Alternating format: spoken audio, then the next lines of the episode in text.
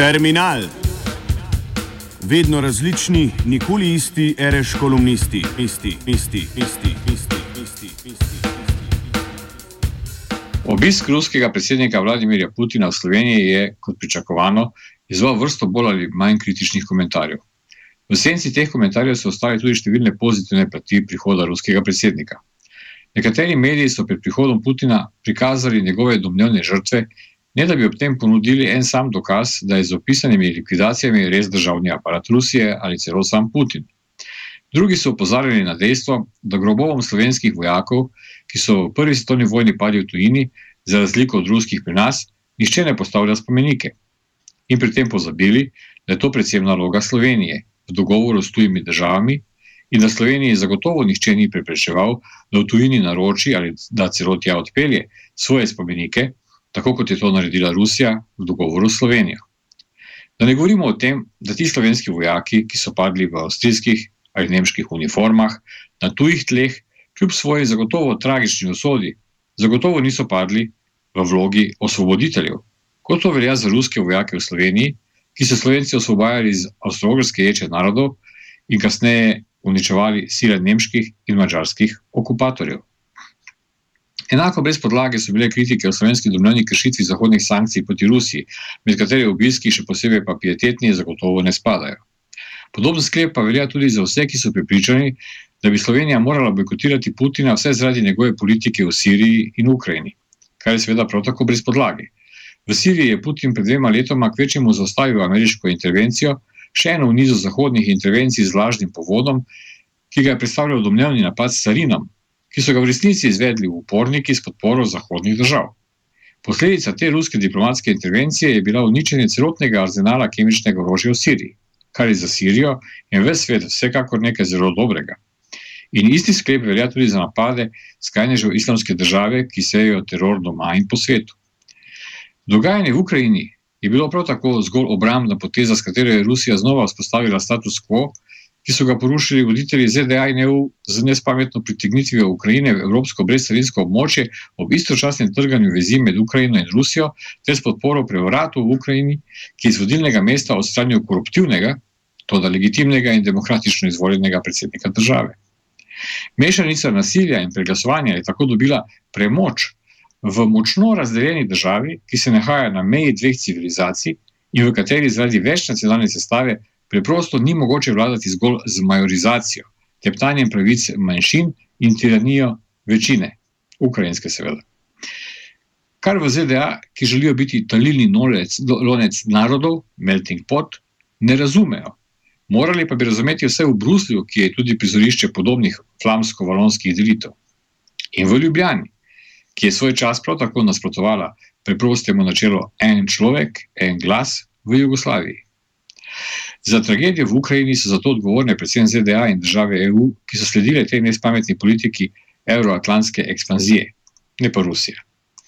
Pozivi o tem, da je potrebno Putina bojkotirati zaradi podpore separatistom v Ukrajini in zaradi odcepitve Krima, pa bi bili bolj verodostojni, če jih ne bi izrekali prav tisti, ki so s podporo podobnim enostranskim odcepitvam na Balkanu in še kje prvi prekršili veljavna pravila mednarodnega prava. In če je meddržavno sodišče s svojim mnenjem glede razglasitve neodvisnosti Kosova vse implicitno dalo večji pomen pravici do samoodložbe, potem je seveda še toliko manj narobe, če so to pravico izkoristili prebivalci Krima.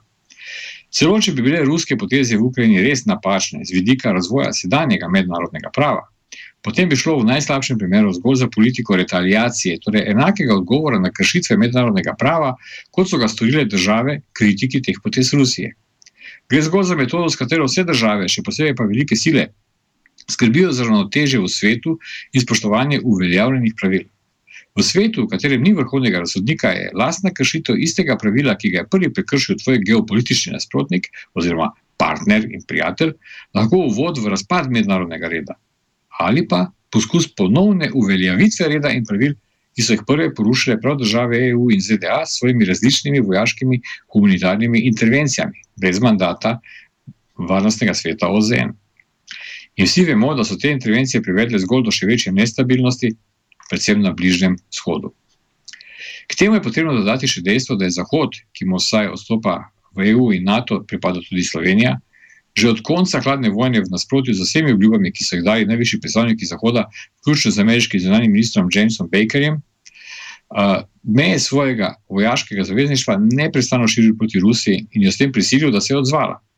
Kljub temu, da je ameriški zunanji minister James Baker ob rušenju berlinskega zidu leta 1989 obljubil Mihajlu Gorbačovu, da se NATO proti vzhodu ne bo širil niti za en inč, so zahodni politiki na to zavezo pozabili.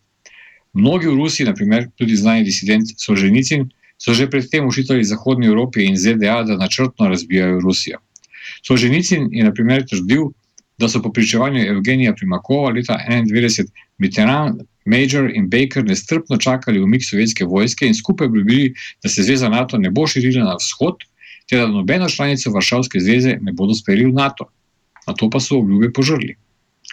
George Kennan, nekdani ameriški veleposlanik Sovjetski zvezi, avtor dolgega telegrama, ki si je pravzaprav izmislil ameriško politiko obkoljevanja Sovjetske zveze, je bil prepričan, da je širjenje zveze NATO na vzhod najbolj usodna napaka ameriške politike od konca druge svetovne vojne, ker naj bi pripeljala do zbujanja antizahodnih in vojaških tendenc v Rusiji, zaradi česar bi se znova spostavila atmosfera hladne vojne med vzhodom in zahodom. Malo zatem so bile sile zveze NATO že v Polski in v Mačarski in Romuniji, po Kenanovem mnenju v državah, iz katerih je Hitler sprožil napad na Sovjetsko zvezo leta 1941. Prav v teh državah pa sedaj nameščajo protiraketni ščit, čeprav je že dosežen sporazum z Iranom, ki je do lani veljal za glavni izgovor za nameščanje teh raket. Ko je Vladimir Putin 16. junija leta 2001 v tedaj še nečlanici Zveze NATO Sloveniji prvič, se, se prvič srečal, prvič srečal Georgea Busha na Bordu pri Kranju, sem spremljal to srečanje kot poročevalec in ob robu srečanja zapisal. Kot je bilo mogoče izvedeti, naj bi bil Putin od Busha v Ljubljani zahteval predvsem troje.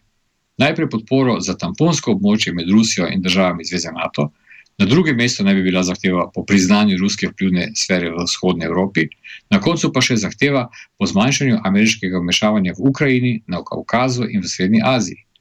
Za Putina naj bi bilo absolutno nespremljivo tudi razširjati NATO na Balkanu ali ob Baltiku.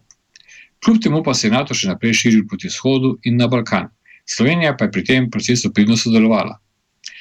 Da bi, uh, bila, da, bi, da bi del dejansko sovražnega zavezništva, katerega del je postala tudi Slovenija, postala tudi Ukrajina, je bilo za Rusijo seveda enako nepredstavljivo, kot je bilo za ZDA v času kubanske krize nespremljivo, da bi bile ruske jedrske rakete dobesedno na pragu ZDA. Tisti, ki so zahtevali bojkot Putina zaradi dogodkov v Ukrajini, bi zato morali z enako vnemo, če bi jih vodila načela in ne predsotki do Rusije, zahtevati tudi bojkot obiska vseh ameriških predsednikov zaradi nespremljivega pritiska ZDA na vlado Kube, glede njenih suverenih odločitev o obrambi države, ter enako tudi zaradi upletenosti ZDA v različne vojne intervencije po vsem svetu. In samo v tem trenutku so ZDA upletene v, odvisno od definicije, 5 do 134 vojn v različnih delih sveta.